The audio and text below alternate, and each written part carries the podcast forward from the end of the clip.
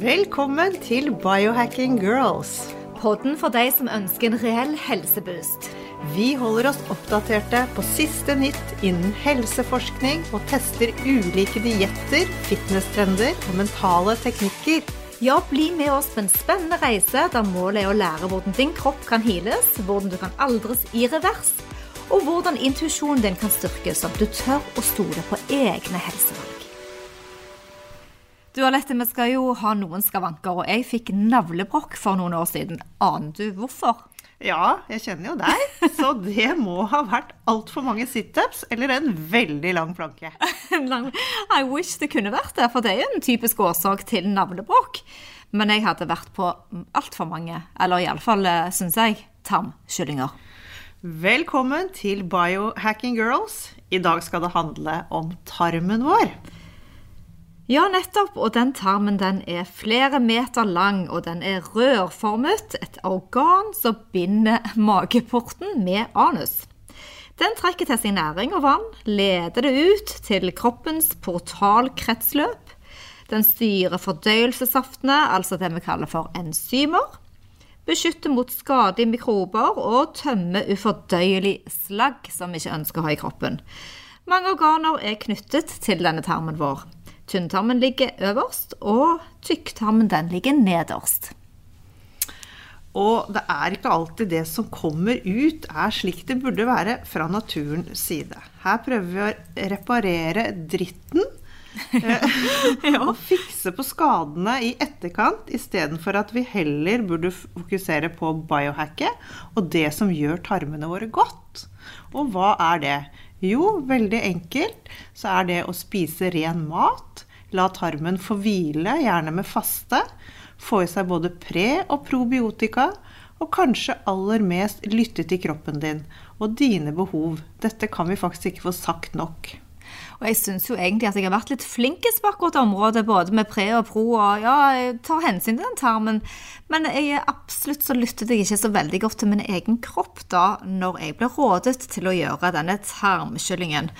Altså bare tanken på tarm og kylling får meg til å få gåsehud av dette. Har du prøvd, eller? Nei, Nei? Det, det, får gåsehud på meg òg. Uh. Helt utrolig, for det virker så unaturlig. Men målet her var jo da å eliminere dårlige tarmbakterier og bygge gode. Og det kan jeg skjønne, for jeg hadde hatt en del penicillinkurer og antibiotika med denne her kroniske uh, bihulebetennelsen jeg hadde. Så det er naturlig at det da legger seg litt sånn slagstoffer. Men hele veien så kjente jeg på et sånn ubehag, og det var altså så dypt og smertefullt. Det er nesten som intuisjonen min og kroppen min ikke ville. Jeg strittet imot, sånn som du ser dyr som kan ta forlabbene på når jeg skulle inn der. Og jeg var kvalm og dårlig, og det brakk og det rev i meg. Men jeg gjorde det nå, og ikke så altfor mange ganger, men kanskje en fem-seks eh, ganger. Så egentlig så visste jeg at ikke jeg burde gjøre det. Men uh, hodet mitt var vel på en måte litt styrt at dette var medisin jeg skulle gjennom. Så det jeg lærte når jeg fikk navlebrokk om å operere, for det er kanskje den verste operasjonen du kan tenke deg, eller uh, alt er relativt, men, men, du kan jo nesten ikke puste, for det er jo i magen, så det er veldig vondt.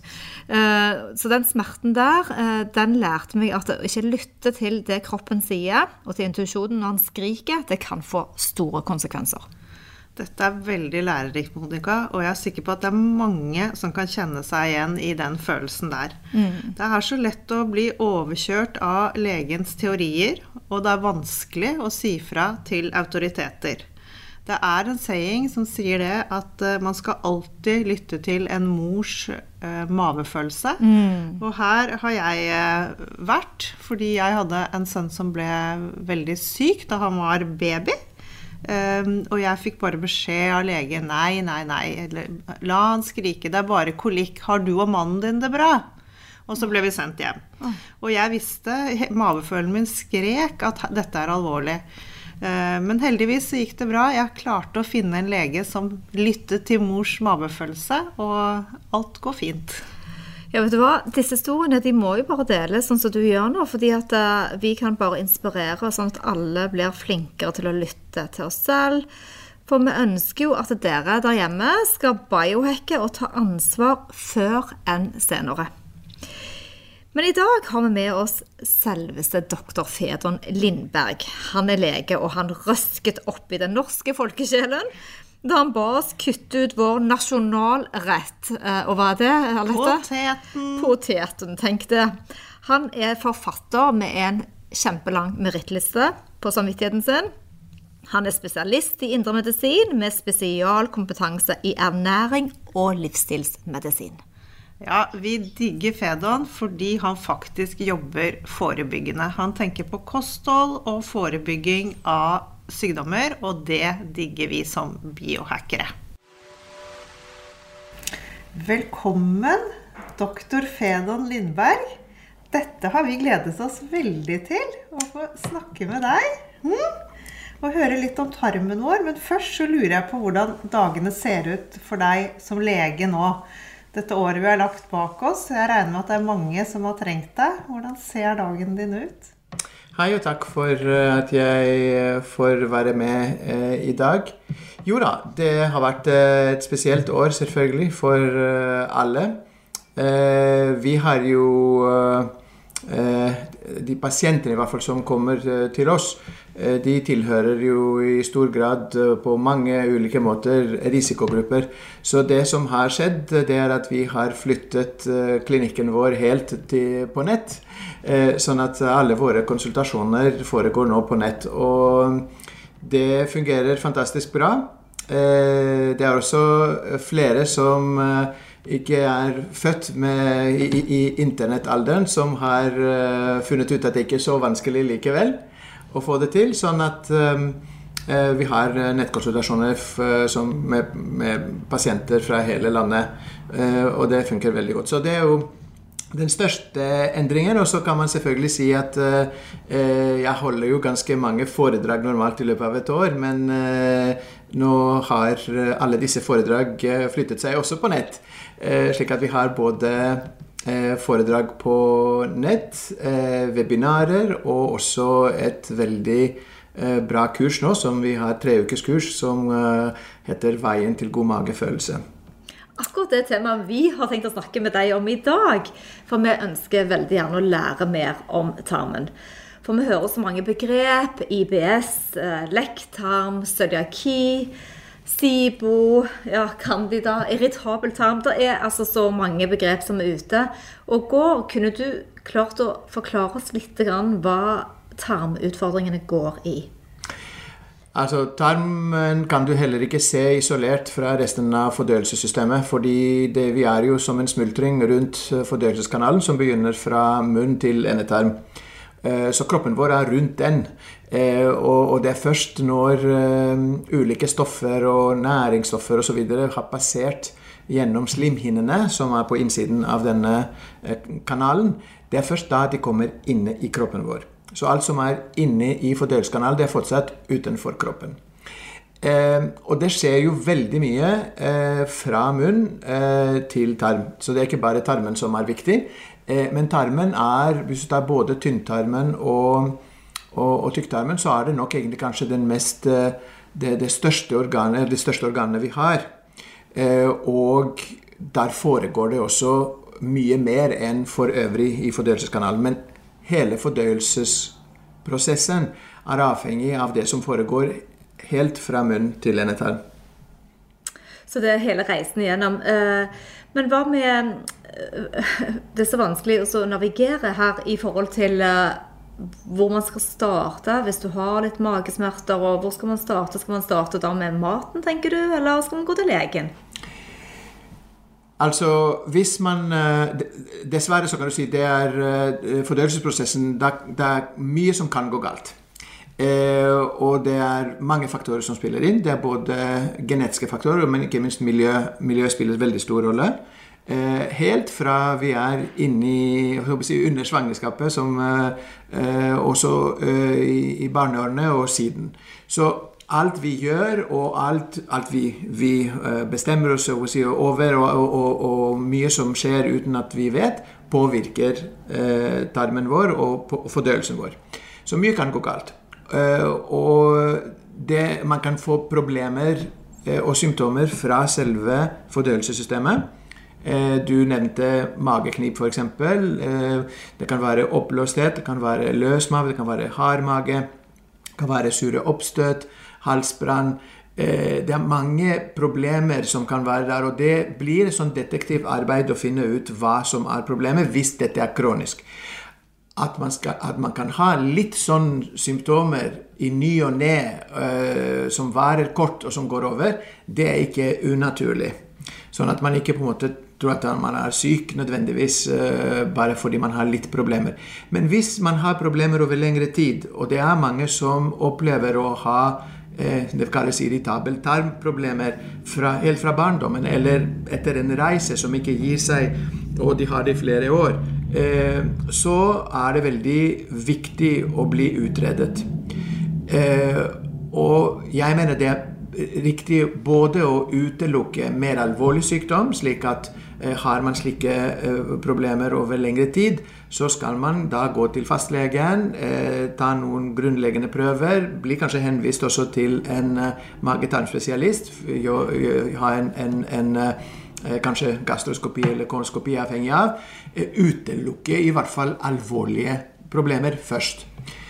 Og hvis man ikke finner noe der, som er også veldig vanlig, heldigvis, så sitter man igjen med såkalte sekkediagnoser, som, som irritabel tarmsyndrom, som én av fem har i Norge. Wow. Det var mange. Det er veldig mange ja. som sliter med fordøyelsen, ja. Hvorfor er det så mange som sliter med tarmen sin i dag? Jeg føler at det bare blir verre og verre. Og hva gjør dette med vår livskvalitet? Eh, livskvaliteten blir påvirket veldig hvis man har eh, problemer i hverdagen med, med fordøyelsen og, og, og, og tarm. Eh, ikke minst fordi det fins en sterk kobling mellom det som foregår i tarmen vår og i hjernen. Det er det som kalles for gut-brain connection, eller altså tarm-hjerne-kobling. Eh, det er en kontinuerlig kommunikasjon mellom hjernen og tarmen. Og det går begge veier. Og det er faktisk slik at det er eh, ni ganger flere nervefibre som går fra tarmen til hjernen, enn omvendt. Så sånn sett det som foregår i tarmen vår, påvirker hjernen vår mer enn motsatt vei. Så, sånn sett, så hvis, det, hvis, man har plager og problemer der, så vil det ha betydning for også vår psykiske, mentale helse, velvære. Eh, men fordi veldig mye av det som skjer i tarmen, også regulerer betennelse i kroppen, så vil det kunne ha konsekvenser helt andre steder. Slik at man kan ha muskel- og skjelettplager, man kan ha problemer med hudlidelser som rosacea eller, eh, eller atopisk eksem. Og, og, og, mens, og, sluttresultatet ser man i andre organer, men årsaken eller kilden kan være det. Hvorfor det skjer? Veldig mange faktorer. For det første så har jo vårt kosthold blitt veldig forandret de siste 30-40 årene. Blitt gradvis mye, mye mer bearbeidet. Ultraprosessert, som det heter. Vi har veldig lite nå uh, mat som er levende, og, som, uh, og, og, og, vi vet også at uh, den er ofte steril eller pasteurisert, slik at vi mangler de bakteriene som da normalt var før i disse matvarene.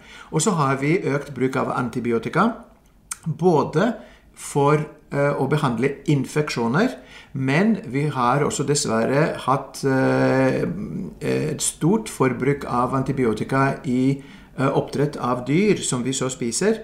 Eh, og det rare er at det har ikke bare blitt brukt for å bekjempe infeksjoner, men man har funnet ut at små mengder antibiotika i fôr kan bidra til at disse dyrene vokser fortere. og, det har man da holdt på med siden 1940-tallet eh, omtrent. Heldigvis så har man sluttet med dette i Norge fra 1996, i EU fra 2004. I USA fortsetter man med det. Sånn at uh, vi har alle sammen nå blitt utsatt for små mengder antibiotika eh, over lengre tid, og det har påvirket vår tarmflora. Og så kommer da eh, plantevernmidler og miljøgifter som, som også påvirker tarmfloraen vår mer enn det påvirker oss direkte. Fordi tarmfloraen eh, består, består av, eh, eh, ti ganger flere eh, mikrober enn vi har celler i kroppen. Og, og disse er encellede organismer som er veldig følsomme for eh, ting som er, eh, som uheldige ting som er i miljøet. Så det er veldig mange faktorer. Så har det vært keisersnitt som har økt veldig. Eh, heldigvis ikke så mye i Norge, men i andre land så kan du ha mer enn halvparten av alle fødsler eh, som keisersnitt. Det gjelder Kina, det gjelder eh, eh Brasil. Eh, uten at det egentlig er noen grunn. Det er bare mer behagelig i for kvinnen. Men det skaper problemer for barn i neste omgang. Eh, for da arver de ikke på en måte tarmfloraen til, til moren. Eh, så får de en fattigere tarmflora, da kan vi si. Mm. Så det er veldig mange faktorer. Stress spiller stor rolle. For lite søvn spiller en stor rolle. Eh, ja. Altså, det er så interessant, alle de faktorene vi kunne laget og snakket i evigheter med deg om alt. Men du nevnte òg kartlegging. Er det noen enkle triks man kan, er det noen enkle prøver man kan ta hvis man vil avansere litt mer enn å gå til fastlegen? Det, det er flere som så også biohacker som har lyst til å få mer resultater. Eh, det man kan gjøre hos fastlegen som begynnelse, det er å utelukke cøliaki, eh, og det utelukke laktoseintoleranse. Cøliaki er en blodprøve, laktoseintoleranse er også en blodprøve nå. Det sjekker egentlig et, eh, et gen som har med laktase å gjøre. Og da kan man finne ut i hvert fall om man har melkesukkerintoleranse, eller om man har cøliaki. Altså ikke bare, for det fins andre former for glutenintoleranse enn cøliaki. Men de to kan man i hvert fall få utelukket. Ytterligere så kan man da eh, også ta eh, prøver som heter IGE, eh, antistoffer mot matproteiner. Eh, det er de samme typer eh, prøver som man tar når man skal undersøke om man har allergi mot katt eller hund eller hest eller, eh, eller pollen. Så dette er egentlig på en måte det som man kan ta hos fastlegen. Dessverre så stopper det der. Eh, det er mye mer som man kan og bør undersøke for å finne ut hva som er problemet. og, og det er et detektivarbeid. Så man må begynne. Eh, og eh, for å nevne noen, hvis man over tid har hatt problemer med oppblåsthet og eventuelt løs eller hardmage eller de om hverandre, og mageknip Noen sier også at jeg spiser, og så ser jeg som jeg er gravid, og jeg, og jeg ser bilder, og det er ikke noe spøk. Det, det, stemmer. Så da er det i hvert fall veldig viktig å utelukke en tilstand som heter SIBO. Det er jo mellom 50 eh, og 70% av de som har irritabel tarm, som har SIBO som eneste eller en av årsakene. SIBO er engelsk forkortelse for Small Intestine Bacterial Overgrowth, eller overvekst av bakterier i tynntarmen. Normalt skal vi ikke ha så veldig mange bakterier i tynntarmen, eh, men vi har massivt med, med mikrober i tykktarmen. Men pga. refluksproblem fra tykktarm til tynntarm, så kan vi få en overvekst der. Og det kan skape alle disse problemene. Den lar seg undersøke med en pusteprøve og behandle. Og derfor så det, eh, ville det vært kanskje en naturlig start. En av dem. Og så er det jo mer man kan undersøke om man har matoverfølsomhet, altså immunreaksjoner mot matproteiner. Og man, også, man, kan også teste tarmflora i detalj og finne ut om man har for lite av de snille, gode bakterier, og kanskje for mye av uheldige mikrober. Det kan være bakterier, det kan være sopp, det kan være parasitter. Ja. Wow. sånn at hvis man har litt vondt i maven etter et måltid innimellom, så er det greit. Men det er hvis dette er over tid og hele tiden at man jeg lurer på når man skal gå til lege, og når det bare er vanlige hverdagsproblemer. Man skal ikke i prinsippet ha sånne problemer daglig. Det skal man ikke. Eh, og, man skal heller ikke ha dem veldig ofte. Eh, Min opplevelse er fra pasienter det er at mange har blitt så vant til å ha disse problemene at de ikke lenger reagerer på det. Så det er veldig mange som har f.eks. kronisk løsmave, for ikke snakke kronisk forstoppelse eller treg mage, som veldig mange har. Og det er jo absolutt tegn til mulig SIBO, og spesielt noe som heter metan-SIBO. Um, så de reagerer ikke lenger. De, de, de, mener det er liksom på en måte sånn, sånn skal det være. Men sånn skal det ikke være. Eh, og, og, og, og, da, er det viktig på en måte å ikke bagatellisere det, fordi veldig mange problemer og, sykdommer begynner fra tarmen. Skal man gå på do hver dag? Jeg skal gå på do hver dag. Kanskje til og med mer enn én en gang. Men i hvert fall en gang skal man gjøre det. Eh, og hvis man ikke gjør det, så er det jo et problem på mange måter. Eh, for det første forteller det om en ubalanse i, i nervesystemet i tarmen. Eh, og det kan være også andre problemer der. Eh, men eh, husk også at, at eh, treg mage og forstoppelse betyr økt belastning med potensielt giftige stoffer som resirkulerer istedenfor å fjerne som det normalt skal være. Så hvis man attpåtil også heller ikke svetter noe særlig, så har man et problem med avgiftningssystemet. En av dine kampsaker har jo vært kostholdet. Fedrene. Vi skal ikke gå inn på potetdebatten, men, eh, men allikevel middelhavskost og spise ren mat. Jeg bare tenker For folk som ikke har ressurser eller overskudd til å ta så mye tester og prøver, hvordan vil det hjelpe å kutte ut vegetabilske oljer, kutte ut prosessert mat, sukker, redusere alkohol, og så spise ren mat? Det er jo egentlig grunnleggende uansett det bør også de som ikke har problemer med mage og tarm, gjøre. Så det er egentlig basisen. For du kan ikke, du kan ikke begynne med eh, Hvis ikke det grunnleggende er på plass, så kan ikke alle detaljer i neste omgang hjelpe. Så det er jo helt vesentlig at man har et kosthold som har, begynner som, Altså at man lager ting fra bunnen av. Det er jo en ting det er ikke alt man kjøper som er problematisk heller. Eh, så, så, og, og, og, omvendt så kan du si at hvis man ikke bearbeider selv maten riktig hjemme, så kan, du, kan, man godt ødelegge det til og med mer enn om det var laget av industrien. For industrien har jo veldig, i hvert fall strikte regler på hvordan man gjør ting. Eh, sånn at, men i hvert fall å, å, å passe på høy kvalitet, det er denne i både råvarer og den maten man eh, kjøper, at man handler mest i utkanten av supermarkedet, altså ferskvareavdelingen, at 70-80% kanskje kommer derfra, og mindre fra det som er på midten, som er bearbeidet mat. Eh, det å ha mangfold når det gjelder eh, fargerike grønnsaker og frukt og bær, å ha høykvalitets fisk flere ganger i uken, det å, å, å, å ha eh, mye krydder og urter i, i, maten. De er veldig viktige og sunne. Eh, det er grunnleggende ting å ikke belaste eh, kroppen med eh, matvarer som gir for mye blodsukker, eh, altså stivelse og sukker. Dette er grunnleggende ting, og det, si, det tradisjonelle middelhavskostholdet er jo egentlig på dette. Og så finnes det mange muligheter der. Du har jo du kan, de som vi, eh, trenger eh, eventuelt noe mer strikt kosthold. Du har eh, keto-kosthold, og du har paleo-kosthold, og du har eh, vegan-kosthold og vegetarkosthold osv.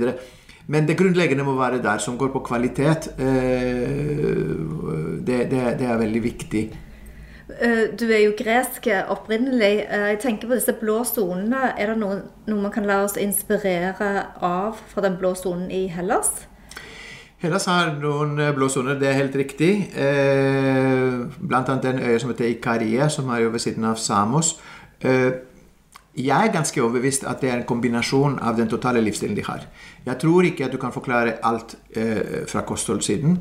Eh, og, og, jeg mener at eh, Nå er jeg jo jeg kanskje mer kjent i forhold til dette med kosthold, men jeg har jo landet på, på konklusjonen at faktisk søvn er viktigere enn kosthold.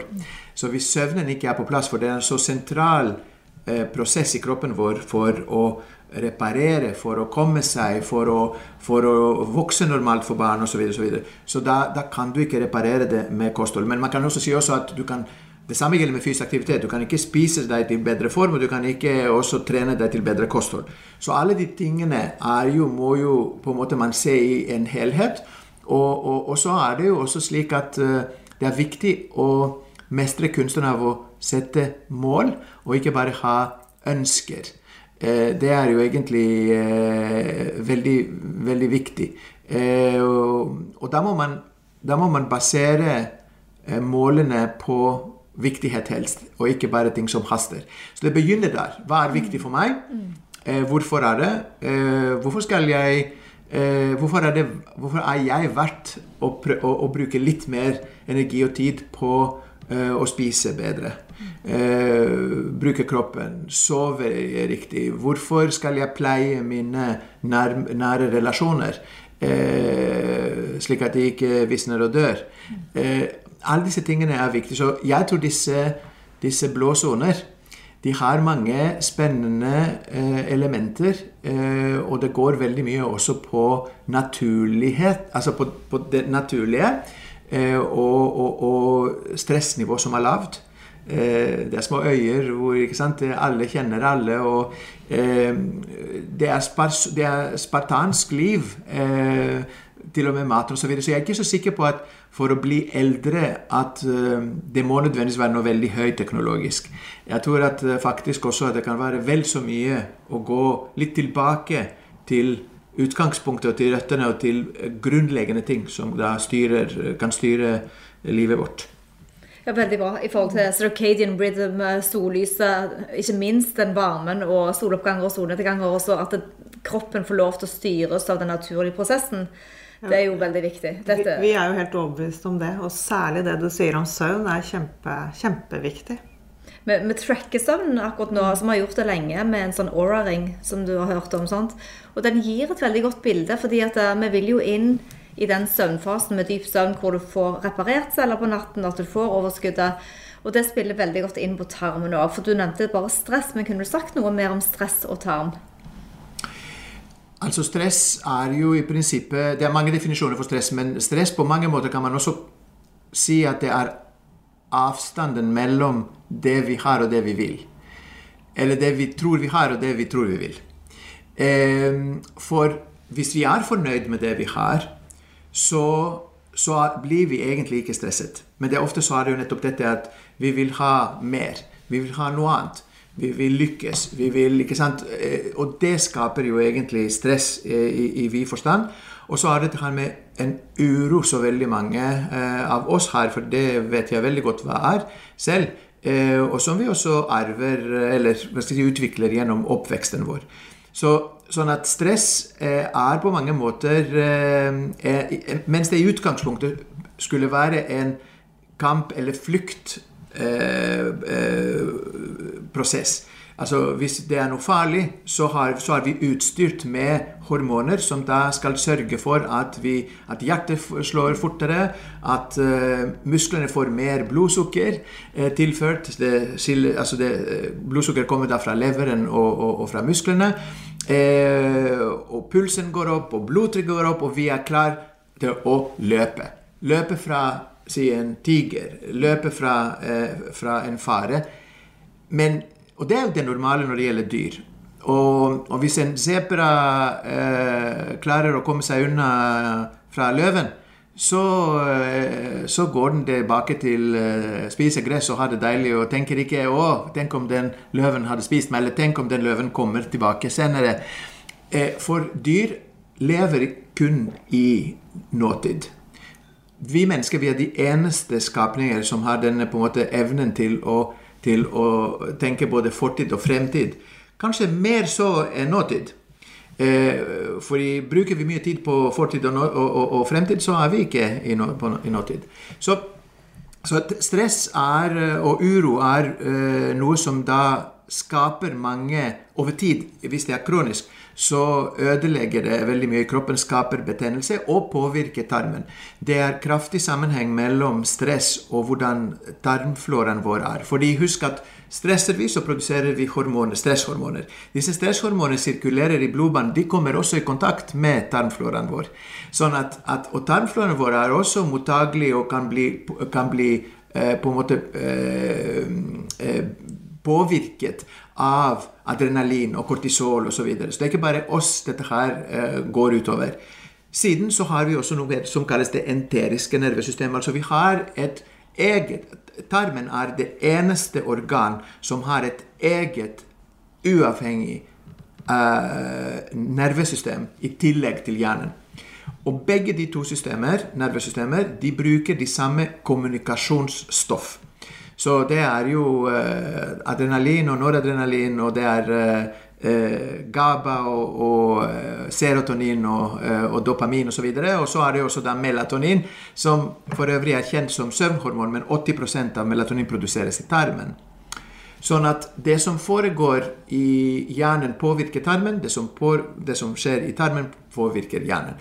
Så Derfor så er det her så viktig å, å på en måte be arbeide og behandle og mestre eh, stress. Og da må man først spørre seg ja, hvorfor stresser jeg? Det er ikke like enkelt. Noen ganger så har det veldig konkrete eh, årsaker. Eh, det kan være sykdom i familien, det kan være, det mange, eh, kan være problemer på jobb. Og da må man, Eller problemer i, i, et, uh, i, et, forhold. Og da må man spørre seg på en måte ok, uh, hva kan jeg gjøre med det? Så fins det andre situasjoner hvor det er en uro som man ikke helt vet hvor den kommer fra. Og, og, og det har jeg i hvert fall funnet ut uh, og sett veldig ofte, det er at det kommer fra en sterk indre kritiker. Og det trenger man også hjelp for å, ofte mm. for å gjøre noe med. Mm. Wow, spennende dette med stress. Her har man mye å ta tak i, i i våre dager. Men en annen ting som vi også lurer på, er dette med at nå gjør jeg hermetegn alle har glutenallergi. Hva kommer det av? Alle har selvfølgelig ikke glutenallergi. Nei. Når det er sagt, så er det jo Hvis vi går tilbake og tenker helt ok, Er mennesket et eh, utgangspunkt ment til å være kornspisende eh, dyr? Svaret er nei. Eh, vi kan ikke tygge og, og, og, og, fordøye korn. Det må bearbeides veldig.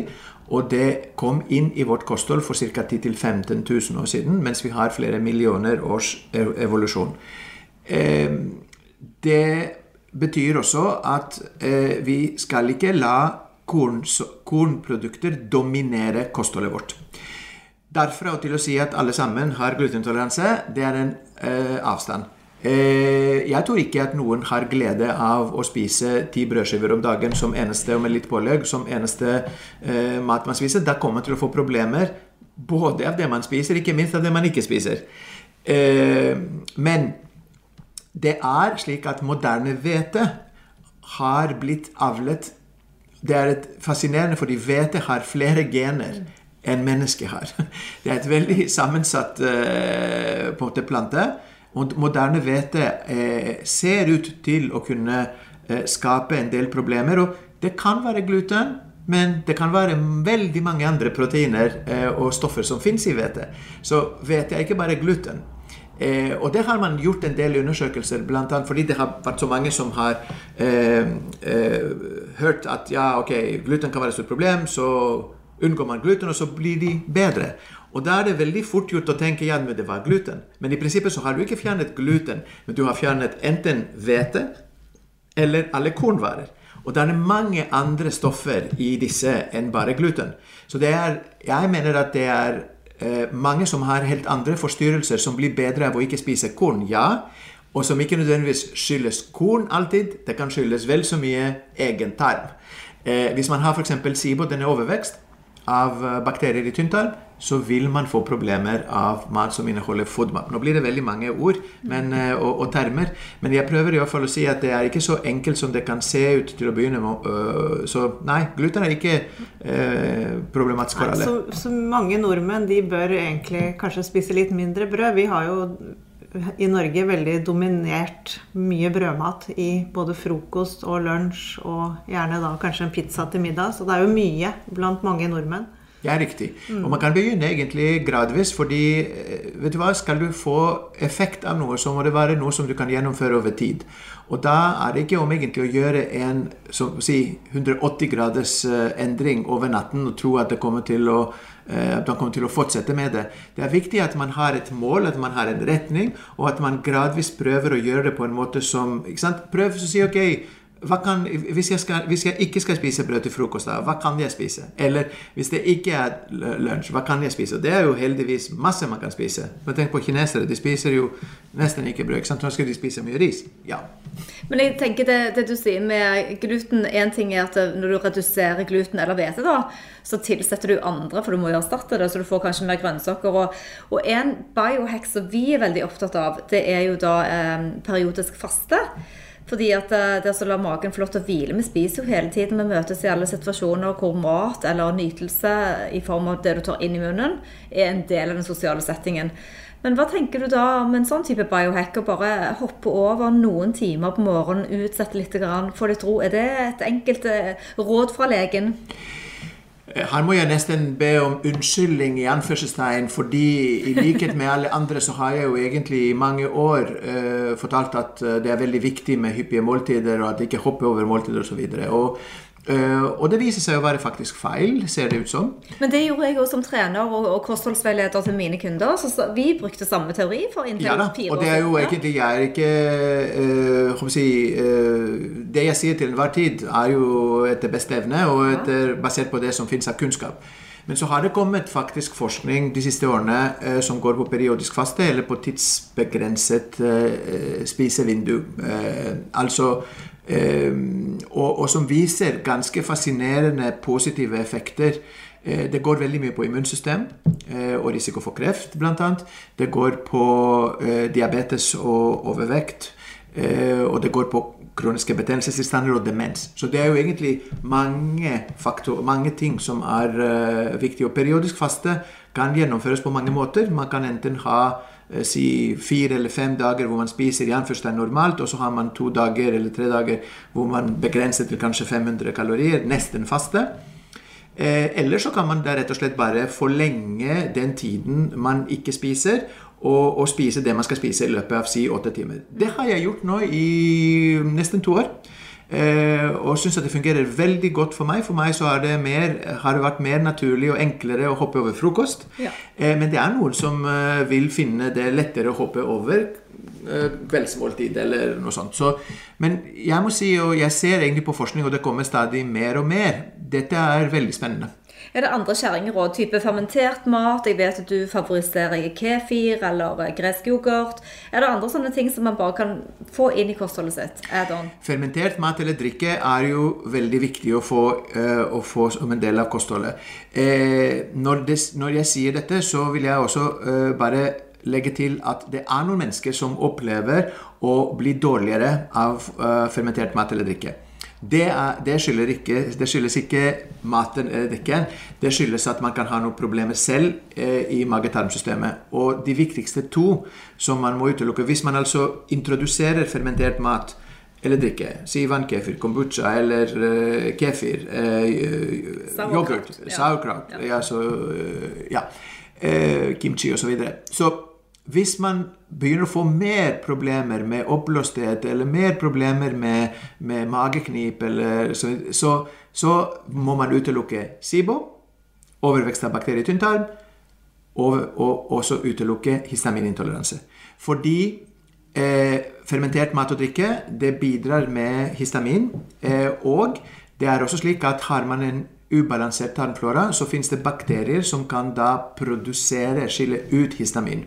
Så Derfor så er det veldig viktig, og spesielt hvis man attpåtil får litt problemer med hud, uren hud, eller uh, at man får uh, eksem og sånne ting, da er det ekstra, ekstra viktig. De, men sett bort fra det, så er dette med fermentert mat og drikke, innslag av det daglig, veldig viktig. Yes. Mm -hmm. Nå har du snakket en del om hvordan tarmen og immunsystemet henger sammen. Men kunne du forklart litt hva, hva er immunforsvaret vårt? Ja, nå, Hvis det er mulig. nå er det slik at jeg har faktisk en, eh, et foredrag på nett på feno.no. Eh, så går man på nettbutikken, og så finner man det foredraget. Så jeg har et eget foredrag på over en time. Bra. Eh, og, og, og, og, det har jeg hørt og fulgt, og det er superbra. Så det skal jeg legge ja. link på. Vi legger link på det etterpå. Det, gjør vi, det er jo, det er, jo det er et komplisert område, ja. men det er ekstremt viktig. Ikke bare i vår tid med covid covid-19, eh, hvor selvfølgelig mye fokus er på immunsystem. Men det er fordi eh, i prinsippet så kan du si det som kan skje med vårt immunsystem, det er at det kan enten være nedsatt, eller det kan bli overaktivt, hyperaktivt. Eh, blir det nedsatt, så vil vi være mer eh, på en måte eh, tilbøyelig til til å bli syke av infeksjoner. Eh, men enda viktigere kreft. Og det er jo derfor så er det veldig viktig å passe på immunsystemet vårt, og det er mange ting som man kan gjøre, heldigvis. Herunder også søvn og stress, eh, men kosthold og fysisk aktivitet. Så, eh, så, men så kan immunsystemet vårt av forskjellige årsaker, årsaker, bli hyperaktivt, og da kan man få autoimmune eh, sykdommer, og det er 70-talls av de. Så eh, stort område, tarmen, veldig mye å si fordi 70-80% av immunsystemet vårt er rundt tarmen. Veldig enkelt fordi eh, tarmen vår har en overflate eh, som er ca. 400 kvadratmeter, som en tennisbane. Og den kommer i daglig kontakt med omverdenen, og den skal hele tiden eh, klare, eller immunsystemet skal hele tiden klare å skille ut er det en fiende som har kommet inn, eller er det en, eh, en venn. Eh, skal, skal, vi slippe den inn, eller skal vi ikke gjøre det? Eller skal vi bekjempe den? Og Derfor så er jo egentlig eh, 70-80% av eh, immunsystemet vårt rundt tarmen. Kunne du bare gi oss noen eh, tilskudd som du anbefaler til lytterne? Eh, Fusilumhusk Fusilumhusk, ja. ja. Du tenker for tarmen nå? For tarmen, ja. Mm. Altså, Ting som kan være relevant. Det betyr ikke at alle skal begynne å ta Nei. dette. Men, men, det er altså å ha større innslag av eh, høykvalitets, bra uh, fiber. Så det er ikke alle fibre som har det samme, og de kan, noen av dem kan faktisk skape problemer. Eh, så psyllium, husk, eh, altså loppefrøskall, det er veldig bra, og det vil virke regulerende både hvis man har løsmave og hvis man har mave.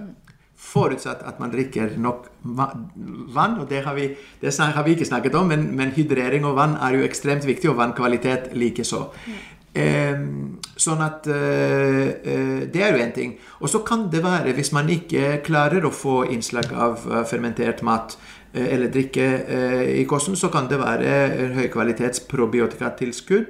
Ehm, det kan være da også med prebiotiske fibre. det fins også kombinasjoner av både prebiotiske fibre og, og psyllium og probiotiske bakterier f.eks. noe som heter Lepicol. Eh, det fins på Helsekost. Eh, det har vi også på vår eh, nettside. Så, så prebiotiske fibre hvis man ikke får nok fra kosten. Noen kan ha problemer med, med å ikke ha tilstrekkelig magesyre.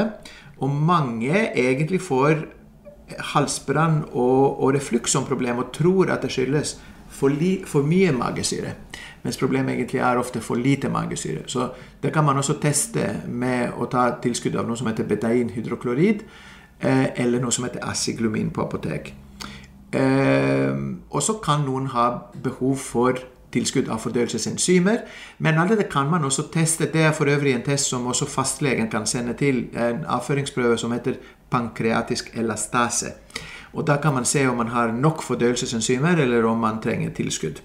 Hva med sånn kaffeenema? Altså Du tar rett og slett kaffe oppi et rør oppi anus og gir Eller enzymer? Har du testet det? Eh, nei. altså Jeg må si jeg har hørt selvfølgelig om uh, kaffeklyster. Eller, men, uh, men, nei, jeg har verken erfaring selv, eller jeg har ikke sett egentlig også på forskning, så jeg kan ikke mene så veldig mye. Ja, dette har vært superspennende. Men hvordan kan lytterne våre få kommet i kontakt med deg? Vi vet jo at du har lange ventelister, men eh, du har jo en del på nett og sånne ting. For det første så vil jeg si eh, at eh, man kan begynne alltid med mer kunnskap. Det er viktig. Og det som kan være også et problem, det er at man har ufattelig lett tilgang til informasjon på nett. Så uansett hva man eh, ønsker å, å, å søke, så finner man uh, masse. Men uh, ikke alt har like høy kvalitet. Uh, det er mye rart som er der. Det er også veldig mye bra som er der. Det er vanskelig å vite hva som er bra og ikke. På samme måte hva er nyheter og hva som er fake news. ikke sant? Det er jo litt av problemet der. Derfor så er det i hvert fall viktig, om ikke det er oss, det behøver ikke være meg, men, men i hvert fall at, man, at det er pålitelige kilder man eventuelt henter informasjonen sin fra som man kan stole på. Det samme gjelder også oppskrifter eh, for øvrig. Det er jo ikke alle oppskrifter som er like bra på nett. Eh, vi jo, vi samarbeider med flere eh, hvis man ikke kan komme direkte akkurat til meg. Eh, jeg ender opp på mange måter å ta imot veldig sammensatte eh, problempasienter. Som på mange måter ikke har blitt løst eh, andre steder. Men vi kan jo absolutt veilede videre hvor man skal. Eh, vi kan også hjelpe eh, med å eh, når det gjelder f.eks. testing, hvor man kan begynne for å begynne å nøste opp og, og utelukke om ikke annet ting.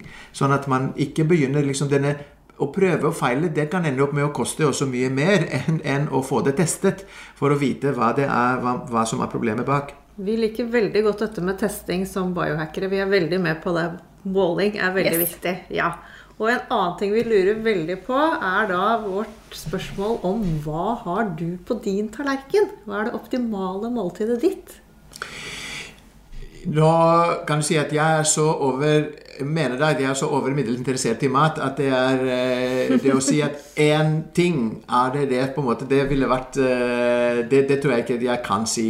Eh, Jeg er en urolig sjel når det gjelder mat også, sånn at jeg prøver veldig mye. Jeg tester veldig mye. Nå gjør det også egentlig profesjonelt fordi jeg skriver bøker og en del kokebøker også. Men eh, eh, selv så er jeg jo må jeg si at jeg er veldig glad i eh, Også i, i gryter. Det er jeg. Eh, langtidsbehandlet mat. Og, og, og veldig eh, eh, skal jeg si, krydderrik mat. Ikke nødvendigvis alltid sterk at det skal, at det skal brenne, men, men, eh, men eh, jeg bruker rikelig med, med krydder og urter eh, i matlaging. Og det er det som jeg mener også gjør det spennende. Og så er det dette her med å lage mat. Det er også en, en læringsprosess. Jeg har jo holdt på med dette siden jeg var ti år gammel eh, og, og har veldig stor interesse for det. Eh, og etter hvert så blir man bedre. Så hvis man eh, tilhører den som ikke er så veldig måte, glad i å lage mat, så er det ofte man er ikke glad i noe man ikke kan. Og da kan rådet være egentlig å ikke være for streng med seg selv. Eh, begynne å, å teste. Og så er det noen også, kanskje noen råd og prinsipper jeg kan si når det gjelder desserter. Følg oppskrift. eh, når det gjelder andre ting, etter hvert, følg ikke en oppskrift. Fordi eh, du, må, du må Og spesielt så Veldig mye til syvende og sluttresultatet henger sammen med, med hvor surt det er, hvor søtt det er, hvor salt det er, hvor eh, ikke sant, umami osv. Og hver, vi er for, veldig forskjellige, så du må jo tilpasse det. Du må jo, hvis du mener at det er for lite salt, vel, så må det komme mer. Eller, og veldig ofte så mener jeg at veldig mange undervurderer, og mange oppskrifter undervurderer syre som, eh, som viktig komponent, eh, altså smakskomponent. Så at, at veldig mye mat og veldig mange oppskrifter på en måte litt sånn i anførstein For meg så, så, så smaker de babymat, altså. Så de trenger litt mer å bli piffet opp. Og da er det ofte litt, eh, litt mer syre. Det, altså, det kan være eddik, det kan være sitron osv. Eh, og, og, og det med urter og krydder. Det er det som gjør maten spennende. Og spennende mat må vi ha hvis vi skal eh, også ha et godt kosthold. Eh, det må vi ha. Ja, jeg, jeg hører at du kan dette med mat. Du, dette var utrolig interessant. Nå har jeg lagd mange av dine oppskrifter, og jeg må virkelig bare anbefale alle lytterne til å ta en titt i det store biblioteket til Fedren Lindberg. Tusen hjertelig takk for at du kom på podkasten vår. Vi er veldig glad for å ha hatt deg her. Tusen takk. Ja, eh, Alette, jeg tenker at dette var en veldig lærerik samtale. Og jeg har eh, en hel haug på to do-listen. Men én ting er at jeg tar probiotika. Men jeg, jeg tror jeg har lyst til å navigere litt i dette med langtidskokt mat. Og, og, og stress, ja, stress og søvn, som vi allerede jobber med. Men eh, ja, kanskje vi skal prøve litt eh, fermentering. Disse agurkene vi snakket om. Ja, vet du hva? Nå må Ja. vi bare gjøre det. Jeg har en oppskrift på lager, så vi, vi må teste. OK, let's do it. Let's do it. Happy Happy biohacking! Vi minner om at dere må snakke med egen lege eller kostholdsveileder om dietter eller andre spørsmål relatert til medisiner og supplementer. Informasjonen vi deler kan ikke bli brukt til å diagnostisere, behandle, forebygge eller kurere noen sykdommer eller tilstander.